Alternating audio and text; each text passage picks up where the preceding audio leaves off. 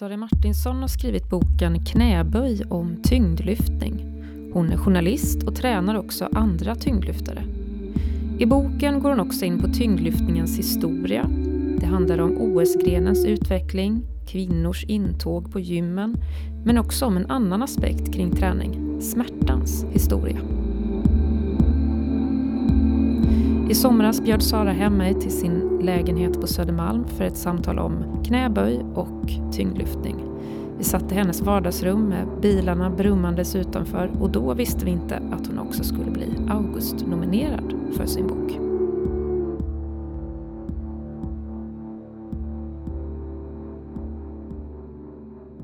För mig så hängde ju smärta ihop med styrketräning på ett väldigt direkt sätt eftersom jag började styrketräna för att jag hade en smärtproblematik.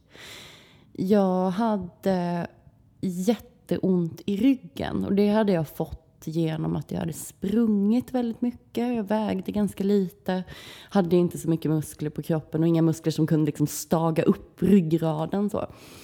Um, så då blev jag, som de allra flesta, ålagd att uh, styrketräna av en sjukgymnast. Och det var fruktansvärt tråkigt. Det var liksom väldigt så här, övningar som jag inte riktigt förstod vad de var bra för. Och man skulle göra många repetitioner med lätta vikter och jag upplevde liksom ingen skillnad på min smärta oavsett om jag följde de här programmen förstod inte alls vad det skulle vara till. Men sen så när jag upptäckte tyngdlyftningen så blev det också på något märkligt vis en början eller liksom första steg in på en mindre smärtsam väg för min kropp. Det var inte så att min ryggsmärta försvann omedelbart bara för att jag började göra ryck och stöt på gymmet. Men stegvis liksom, så blev jag starkare i hela kroppen, för det blir man när man tränar på det sättet. Och så småningom så hade inte jag lika ont. Så att för mig hänger det liksom oerhört, smärta och styrketräning hänger oerhört intimt ihop och jag tänker att det också gör det för väldigt många eftersom att smärt, eh, träning ofta ordineras som ett, en behandling för olika typer av smärtproblematik. Just det, så du har, du har flera ord där, ryck och stöt. Var det så? Ja.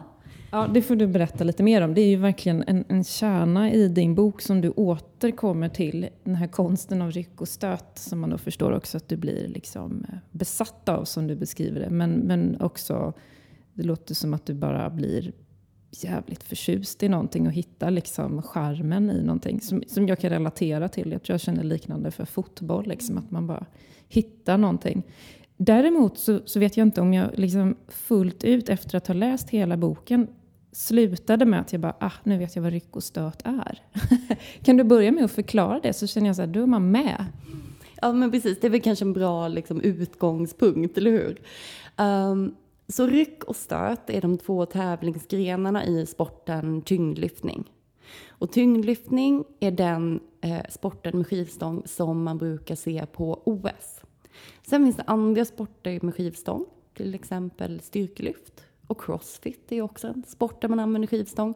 Men de finns inte på OS-programmet och har inte heller den här långa historien som och liksom det stolta arvet som tyngdlyftningen har. Um, det slår vi tyngdlyftare också gärna oss för bröstet för att tyngdlyftningen är den riktiga sporten. Men i alla fall, ryck och stöt är tävlingsgrenarna. Och ett ryck går då ut på att en skivstång ska förflyttas från golvet upp till raka armar i en rörelse. Um, stöt går till på så vis att stången ska lyftas från golvet, först upp till axlarna och sen upp på raka armar. Så stöten har alltså två moment medan rycket har ett. Okej. Okay. Uh, eh, men det här med axlarna, lägger man liksom stången bakom huvudet då? du lägger den fram, framför hakan. Liksom. Så du vänder upp den från höften, hoppar under och fångar på axlarna. Jag, jag visar ju här nu, det är helt uh, överflödigt för den som lyssnar. ah, kolla på Google! Så får ni se exakt hur, hur man gör. Men på, framför, framför hakan, på axlarna. Mm. Och sen upp till raka armar. Och sen upp till raka armar. Och det här, uh, gud nu blir jag liksom nervös att jag ska säga fel. Vilket var ryck och vilket var stöt nu? ryck, ryck är den som är i en rörelse och stöt okay. är den som är två. Okej, okay, man tar ett ryck. Mm. Stöten är två. Okej. Okay. Mm. Men är det då rycket uh, som börjar med att man har liksom böjda knän? Att man liksom hukar ner sig? För, för boken heter ju Knäböj. Ja, exakt. Och att boken heter Knäböj är ju eh, en referens till en eh, annan bok som brukar betraktas lite som den svenska litteraturens klassiker om styrketräning. En författare som heter Sven Lindqvist som skrev. Den hette Bänkpress. Och eh, den långa historien är att bänkpressen brukar det är en övning som man gör med skivstång på gymmet och den brukar ofta betraktas som liksom gymmets kungaövning. Det är det som man hör killar fråga varandra, så här, vad tar du i bänk? Eh, faktiskt på riktigt hörde jag det på gymmet i förrgår. Det är en kille som sa, ah, vad bänkar du nu då? Det är så himla liksom, typiskt för gymkultur. Får jag lägga in en, en, fråga där? Är det som när man var tio och lärde sig åka skateboard och bara, oh, kan du kickflip? Alltså och så jag, undrar man så här, varför skulle kickflip vara det viktigaste 1995? Men det var det. Gud, jag kan inte skateboard, äh, skateboardorden, men äh, jag kan tänka mig att det är ungefär så. Att man du, du, liksom du hoppar en. upp med skateboarden och sen under dina fötter ska den liksom flippa några varv ja. liksom på längdaxeln och sen ska du fånga ner den. Ja. Och den är inte så funktionell, det är inte att du tar dig upp på en ramp eller du kan hoppa över ett hinder, utan det är liksom stå och traggla den här som ska se jävligt cool ut. Och kan man inte den så är det så här, ah. ja, men det kanske är lite så. Att man har liksom så här, normsystemet har bara bestämt vilken övning det är som det är den vi liksom förhåller oss till. Det här baseline. Oh, jag kom på en till som jag lärde mig av en, en gympalärare som mm. har läst på GIH, alltså Gymnastik och idrottshögskolan. Va? Mm. Och hon sa att det var väldigt hög status att kunna dyka från tian. Ah. Och det var en sån grej alla skulle kunna. Hon var såhär, men varför blir jag en bättre gympalärare av att jag kan dyka från tian? Det är helt värdelöst. Och det var tydligen så att det var, det var väl inget krav, men det var det man skulle kunna för att få bra betyg. Så var det liksom, och inte hoppa från tian, utan dyka från tian. Fan vad speciellt, det är ju också skitfarligt om man inte är bra på det, tänker jag. Men, men så känner jag när jag läser din bok om de här lyften. Det måste ju också vara farligt eh, om man gör fel. Samtidigt så skriver du ju om tidiga historien att man också hade någon slags rygglyft som på riktigt skadade ryggrader och sånt där. Men mm. det finns väl ändå en viss aura av att det är lite farligt och häftigt så. Uh, ja, men uh, alltså om man ska vara liksom saklig så är det ju så att eh, att spela korpenfotboll är ju mycket mycket, mycket, mycket högre skaderisk än att hålla på med tyngdlyftning. Av flera olika skäl. Um, det man kan, liksom, det som jag brukar vara lite försiktig jag brukar vara lite försiktig med att hänvisa till statistik om det här eftersom att vi fortfarande är så pass få tyngdlyftare. Så det finns inte så jättemycket...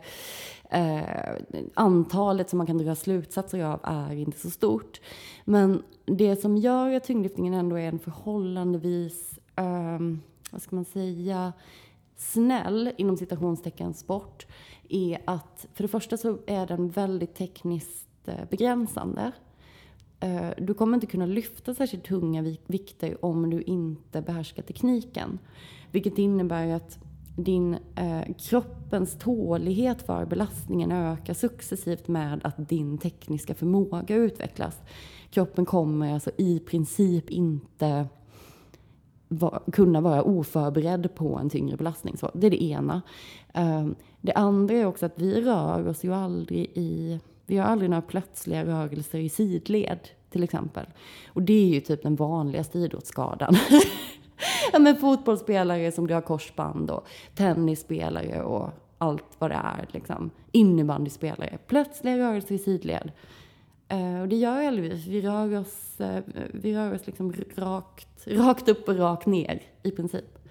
Så det, jag, jag tycker inte att det är farligt. Uh, och jag vet att det är en sån liksom, reaktion som man kan ha på tyngdlyftning när man har hört talas om det. Också när man ser kanske tyngdlyftning på OS och man ser de här liksom riktigt tunga klasserna där man slänger runt med vikter runt 200 kilo strecket. Liksom. Det ser ju läskigt ut men då ska man ju veta att det här är liksom människor som har tränat under otroligt lång tid och gör de här rörelserna med en enorm fokus eh, teknisk briljans givetvis också. Liksom. Just det, du skriver att, eh, att dina kompisar som har hållit på med gymnastik eller eh, dans har mycket lättare att lära sig än vi gamla fotbollsmänniskor som kommer med stela kroppar. Ja, fotbollsspelare brukar ju ofta ha väldigt stela baksidor till exempel. Mm. När man ser om det kommer någon så här, om det kommer en, en nybörjare till exempel så ser man ganska snabbt om den har spelat fotboll just av det skälet. Uh, men, men det är inte sagt. Alltså, tyngdlyftningens övningar, alltså ryck och stöt, och så även då till exempel knäböj som vi använder som en styrketräningsövning eh, som komplement till tävlingslyften. Eh, det är ju övningar som används också som komplement i andra sporter, i fysträningen. Liksom. Tyngdlyftare till exempel, eller tyngdlyftare, eh, friidrottare till exempel, kör till exempel ofta ryck och stöt som del av sin träning för att träna explosivitet och styrka.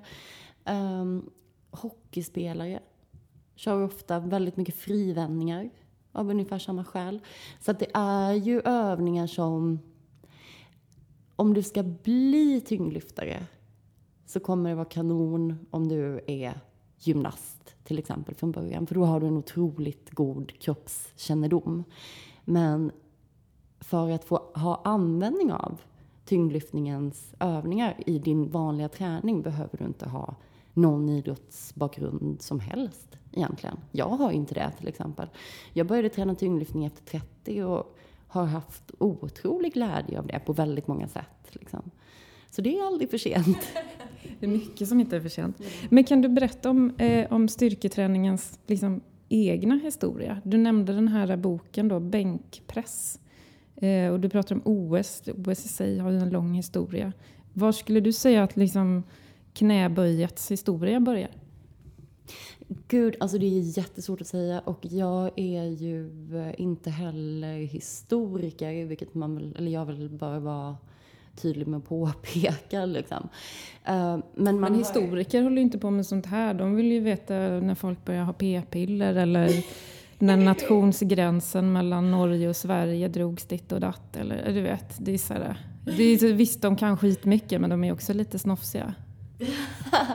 Okej, okay, ja det får stå för dig. Jag vill inte få... Jo, men vi känner ju till massa. Helena Tolvid är ju fantastisk. Torbjörn Andersson när det gäller fotboll. Det finns många, men om man jämför med hur många historiker som faktiskt gör annat mm. är ju idrottshistoria mm. väldigt litet, om man ser så i forskning. Och även idrottsvetenskap och sådär är väl också mer intresserad av hur kan vi hjälpa idrottare nu och inte få knäskador Exakt. än vem lyfter vad 1933? Ja. Det är väl liksom inte lika akut om man ska, man ska söka pengar. Jag har ett jätteviktigt forskningsprojekt här som, ja, så, så det är klart att um, ja, men som journalist och liksom hobbyhistoriker eller liksom någon slags vanlig akademikernivå att man ju bidrar till liksom, historievetenskapens utveckling ändå. Ja. Men jag har tänkt ganska mycket på det där faktiskt. För att det har ju också varit lite av en debatt de senaste veckorna kring just den här typen av ehm, ja, men kvinnohistoriska ehm, populärvetenskapliga produktioner då i någon slags bred bemärkelse. Alltså både böcker och eh, podcasts och så här, som lyfter fram liksom, kvinnans historia. Det, det har ju varit en debatt om att den här typen av publiceringar undergräver historiers, historikers riktiga historikers arbete. Och det tror jag, men jag tror att man ska vara lite försiktig med det där. Jag tror att man ska vara försiktig med att släng, slängigt påstå att det här har aldrig berättats förut, förut till exempel. Um, så jag försöker typ säga så här, jag har inte hittat någonstans där delar av de här historiska elementen i boken har skrivits om. Men det kan ju mycket väl finnas liksom. Det är inte som att jag har gjort ett revolutionärt arbete. Jag har kollat i tidningar på KB, typ, för att hitta kvinnor som lyfter längre bak i historien. Det är vad jag har gjort. Liksom. Mm. Men det man kan säga, alltså du ställer frågan om var, så här, när, när görs den första knäböjen? Liksom. Um, och så här, alltså man har, det finns bevarat och det skildrar Sven Lindqvist väldigt bra i sin bok. Det finns bevarat så här, grottmålningar och eh, gammal konst så där, som visar att människor har styrketränat oerhört länge. Och då har det ju varit främst soldater som har gjort det. Att man har tränat sin armé för att kunna vara starkare än motståndarens armé. Så.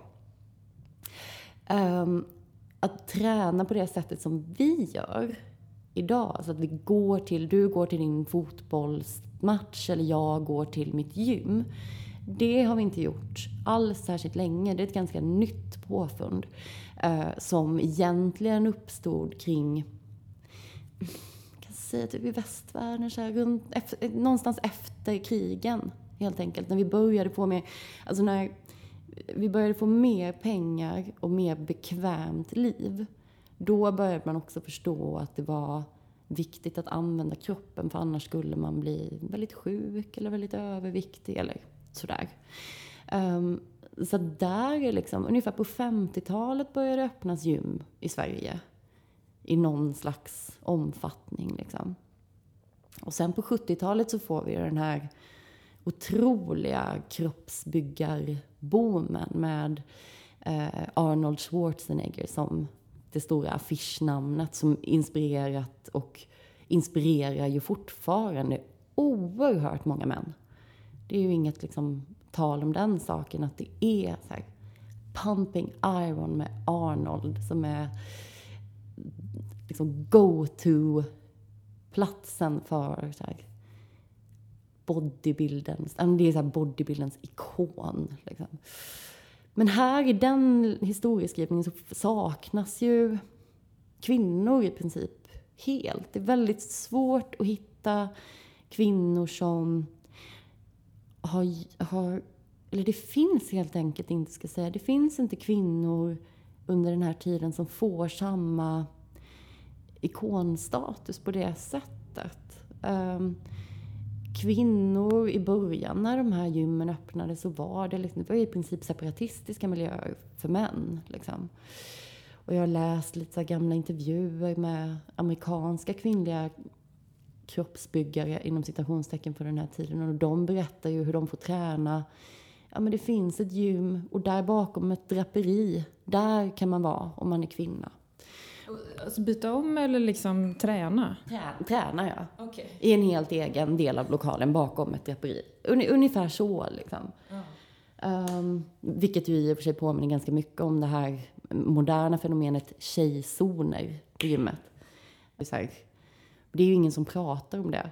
Det enda man pratar om är att det är så, här, ah, men det är så härligt med en miljö där kvinnor får ta plats och bara använda sina kroppar precis så som de vill. Men Alltså det ska vi väl kunna förvänta oss att få göra på alla gym, eller? Inte, jag tycker att där har liksom sam samtalet är på en väldigt låg nivå. Typ. Men det är det som är intressant med ibland tycker jag när man tittar på, på historia, att ibland kan man gå så hundra år tillbaka och så mm. kan man vara så här, åh jag känner igen mig precis. Och sen kommer något så helt koko som man bara, nej nu, nej, nu blir det helt flippat. Mm. Alltså sådär. Som att det fanns lesbiska för hundra år sedan. Men tjejerna de träffade blev sända dit av Gud. Och då kan man vara så här, ah, eh, okej, okay, nu hänger jag inte med. ja, nej men verkligen. Um, och, uh, men sen kan man ju också, liksom, nu har jag berättat lite om så här gymkulturens framväxt och var den har sitt ursprung och sådär. Men man kan ju gå längre tillbaka i historien också och titta på, ja men till exempel runt de första olympiska spelen vid slutet av 1800-talet, ja men då finns ju tyngdlyftningen med på programmet. Men den har alltid, skulle jag säga, någon, någon som kan det här bättre än jag får gärna rätta mig. Men den har alltid, skulle jag vilja påstå, varit lite omstridd. För under de här tidiga åren av olympiader eller olympiska spel så var tyngdlyftning fortfarande en uppvisningssport i väldigt hög grad, eller en nöjessport. Jag har en bild på, men det här syns ju inte heller för poddlyssnaren, men jag har en eh, bild på väggen på en, eh, en, en oljemålning av en eh, svensk målare som troligtvis under början av 1900-talet så var det väldigt många så kallade kraftkarlar som tjänade lite extra pengar på att stå modell för olika konstnärer här i Stockholm. Um, och det här är då ett sånt, Eugen Larsson heter den här konstnären. Han gjorde väldigt mycket målningar av just nakna män. Vilket ju eh, såklart också hade att göra med att han var lite homosexuell. Um, så det var ju kanon för honom. Men i alla fall, det är en ganska så här, att de extra knäckte som modeller är också ett ganska talande, det är också ganska talande för vad tyngdlyftningen var för typ av sport. De var modeller, de uppträdde på scener som så här Mosebacke, eh, cirkus och så vidare. Alltså det, det var att gå och kolla på en man som utförde ett kraftprov var ett folknöje. Man såg inte det riktigt som sport. Och man såg det inte heller, skulle jag gissa, som någonting man gjorde för att kroppen skulle bli snygg. Så som vi ofta ser på styrketräning idag, att vi gör det för att här, forma kroppen. Här var det mer de här fantastiska kraftproven som det handlade om. Att de kunde lyfta kanonkulor och hästar och gud vet allt som de lyfte på de här showerna som var liksom jätte, jättepopulära. Äta hundra korv med bröd. Kanske lika ja. ja, men exakt. Alltså den grejen. Det är väl det vi har idag i sådana fall, liksom, att jämföra med det. Den typen av liksom, freakshow. Och där är det ju också intressant hur liksom, rollerna på cirkusen var väldigt uppdelade mellan kvinnor och män. Att män utförde de här spektakulära kraftproven medan kvinnorna kanske snarare var lindansare eller ja, men, akrobat. Alltså ägnade sig åt den här lite mer vackra formen av cirkusartisteri. Du, du säger att du läste tidningar. Hur visste du vilka tidningar du skulle kolla i? Och hur, hur läste du dem? Kunde du söka efter liksom specifika sökord eller var du tvungen att prångla in sån här mikrofilm och liksom rulla sida efter sida efter sida? Eller liksom, hur, hur gick det till? Nej, och jag skrev ju största delen av boken under pandemin. Så det var ju, det, var ju det digitala arkivet som jag använde mig av, vilket ju gör att de Samtidigt är det också så att det gör inte så jättemycket för den här boken för att den gör liksom nedslag. Liksom. Det är inte en historisk bok på det sättet utan det är mer liksom fragment av historiska delar. Liksom. Och det som fanns digitaliserat då var ju lyckligtvis eh, den här perioden där cirkusar var otroligt populära. Alltså ungefär från, jag läste tidningen ungefär från slutet av 1800-talet fram till 1920-talet någonting. Och då utkristalliserade sig det ju sig ganska snabbt um, ord det här som på KBs digitala arkiv. Det är dagstidningsarkivet ja, du pratar om. Mm. Exakt, Och då utkristalliserade det sig ganska snabbt vilka ord som kan vara bra att söka på. Uh, atletdam till exempel var ett sånt ord som jag jobbade mycket med. Eh, jag förstod också att man skulle stava kvinna med Q och V. Eh, ett annat roligt ord som inte riktigt har med det här att göra men lite är jättedam. Eh, som jag hade väldigt stor glädje av att läsa om. De här jättedamerna som alltså turnerade med att visa upp att de var stora. Och det finns ju liksom, men det känner ju, känner ju de flesta till att det finns ganska så mörka delar av den svenska historien där man till exempel skickat runt eh, eh medlemmar ur eh, ursprungsbefolkningen både i vårt eget land och i andra länder och visat upp bara för att de ser annorlunda ut. Liksom.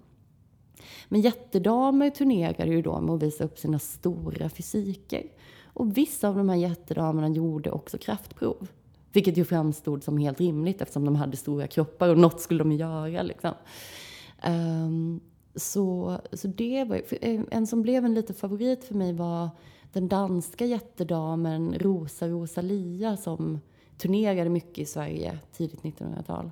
Och som um, hon, hon var kontroversiell på många sätt. Alltså hon förekom mycket i dagstidningarna från den här tiden. För där hon var, där hände det saker. Så bland annat så hade hon, när hon turnerade i Skåne en gång så lyckades hon under tre nätter ligga sönder tre olika sängar. Och då menar jag inte ligga sönder som att det pågick någon form av aktivitet i sängarna, utan hon var helt enkelt så tung så sängarna inte höll. Eh, så det blev ju då en tidningsnotis för att Rosa Rosalias egen säng, den hade fastnat i tullen. så jätteroligt. Och sen så också i mina hemtrakter i, i Växjö så var hon och eh, uppträdde på Stadshotellet. Och eh, så var det någon man där som eh, gjorde någon form av närmande. Och eh, det var ju inte hon intresserad av, så hon satte en gaffel i ansiktet på honom. Och det blev ju rättssak och allting, men hon hade hunnit sticka från stan innan det var dags att infinna sig i domstolen. Så väldigt liksom färgstark jättedam. Ja, men sådana här historier finns det ju överallt om man bara liksom tar sig tid och försöker hitta dem. Det är ju väldigt, väldigt kul. Alltså jag kan verkligen rekommendera det även om man inte har ett, vad ska man säga, ett pågående historiskt projekt på något sätt. Att bara göra det för att det är, för att det är spännande och roligt. För den här, det här materialet är så otroligt tillgängligt idag. Det finns ju, bara, bara gå in på internet så finns det. Liksom. Skulle vi kunna runda av med att prata om just smärtans historia och hur den hör ihop med idrott? Mm, absolut. Um, som jag nämnde innan så var ju min ingång till att styrketräna var ju just en smärtproblematik. Um, och jag tänker att så här, vi pratade om det innan vi började spela in. Alltså jag tänker att smärta är ju kroppens signal. Att någonting inte står riktigt rätt till. Och för att man som människa ska kunna förstå de här signalerna så behöver man känna sin kropp. Och ett väldigt bra sätt att lära känna sin kropp är att börja använda den. Och då till exempel i idrott. Um, för det är verkligen, så jag skriver om det i boken på flera ställen också, att jag så, här, så som jag upplever att tyngdlyftning har, det som jag upplever, upplever att tyngdlyftningen har gett mig är att den har kunnat koppla samman min hjärna med min kropp på ett sätt. Tidigare har jag nog tänkt på mig själv som en person som, så här, jag har verkligen tänkt på mig själv och säger också, en person som tänker väldigt mycket. Som bara är i huvudet liksom. Um, Lena Andersson skriver det så roligt att det finns människor som är liksom, kroppen är bara något som ska förankra huvudet med marken. Liksom, så att huvudet inte ska segla iväg. Um, lite så tror jag att jag upplevde mig själv. Och det gjorde att jag inte hade någon riktig... Äh, kroppen var liksom bara något överflödigt. Men när jag upptäckte tyngdlyftningen så blev kroppen ju plötsligt det absolut viktigaste redskapet. Och jag får liksom öva på den här tekniken och använda kroppen och känna efter. Så här, var, var någonstans har tyngden i foten? Alltså det är nästan som yoga. Liksom. Hela tiden så här, vara i kroppen. Och det gör någonting för min förståelse för så här, nu gör det ont på ett sätt som är dåligt. Nu gör det ont på ett sätt som jag förstår eller som jag inte är rädd för. Alltså det, det förändrar det är lika mycket en träning, alltså den, den här tyngdlyftningsträningen, eller den liksom fysiska, jag tänker så här, använda kroppen i vilket sammanhang som helst, är lika mycket en träning av hjärnan som det är av kroppen. Och där kommer ju smärtan in, för att smärta vet vi ju idag också till väldigt stor del händer i hjärnan. Om jag, om jag eh, sticker i med en nål här så kommer liksom huden på armen kommer skicka signaler upp till hjärnan att nu gör det ont, nu är det något som är fel. Det liksom pågår en sån kommunikation hela tiden. Så jag tycker att det är liksom, jag tycker att smärta och idrott, eftersom idrott handlar om kroppen i nästan alla sammanhang. Det går säkert att komma på någon idrott som inte handlar om kroppen. Du kommer eh, I och säger det där är ingen idrott. ah, jag vet inte. Uh, jag kommer inte på någon. Men, alltså, men tyngdlyftning anses väl traditionellt vara mer kropp och styrka och det var det du var inne på men samtidigt så mm. framhäver du väldigt tydligt att det handlar om teknik. Eh, gör det ju. Men, mm. men det är ju ändå en bild man har och den här bänkpressen mm. förstärker ju verkligen det. Man kan verkligen se att Gud den kan falla ner över, över halsen, man kan dö och så står det någon jättestor kille bredvid och vaktar för så jävla viktigt är det. Så det, den bilden har man ju med sig. Men, men, men det intressanta är att du kopplar ihop, och det här, det här gillar jag, liksom, jag tycker när jag har pluggat historia, Karin Johannisson kan man ju mm. använda till precis allting. Det är ju världens bästa. Otrolig. Ja, och, och hon har, hon, du tar ju upp det hur hon förklarar liksom, där, hur smärtlindringen när man kom på den också gjorde smärta till någonting som kan undvikas. Mm. Um, och att samhället har liksom gått mer mot att försöka eliminera smärta snarare än att man faktiskt måste leva med den och hur hanterar man det och så. Och här tycker jag du skriver väldigt bra hur, hur det här liksom, liksom rycket får dig också att hitta ett förhållningssätt till smärta som inte bara går ut på den måste bort. Mm. För det är det som blir så tråkigt då när man har smärta och går till en sjukgymnast och de säger här är de här övningarna för då ska smärtan bort. Men det finns liksom inget större med det. Du ska inte hitta njutningen eller du får inte lära dig vilken smärta som funkar eller vilken smärta kan jag stå ut med. Alltså nu när jag sitter och pratar med dig har jag skitont i mitt lår för jag har spelat fotboll. Det kan jag leva med. Mm. Men om jag har smärta av endometrios så får jag panik och tänker fy fan det här är så jävla jobbigt och när kommer det? Och så här. Men jag klarar ju av jättemycket smärta som har med fotboll att göra. Så här, fan mina jävla fötter kan knappt gå. Så för det tycker jag känns det har jag en helt annan liksom, relation till. Det, och det finns ju någonting i det där liksom, att lära sig också vilken smärta som man kan stå ut med.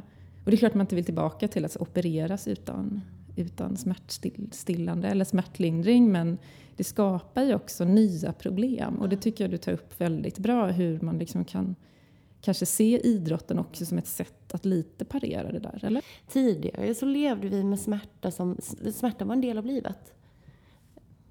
Har du haft tandvärk någon gång? Alltså, tandvärk är ju något av det värsta som finns. Men vi kan ta en Ipren och två Alvedon och så känns det lite bättre. Men det där var ju någonting som människor gick med år ut och år in. Och det var liksom inget att gnälla över. Men så som vi har ordnat vårt samhälle idag, där, all, där smärta anses som... Ja, men, den ska bara bort. Den ska inte vara en del av livet då blir ju liksom minsta lilla utmaning mot det där blir ju otroligt svår. Och nu säger inte jag heller att det, så här, det var bättre förr när alla hade ont överallt. Det är inte det jag menar. Men jag tänker att det...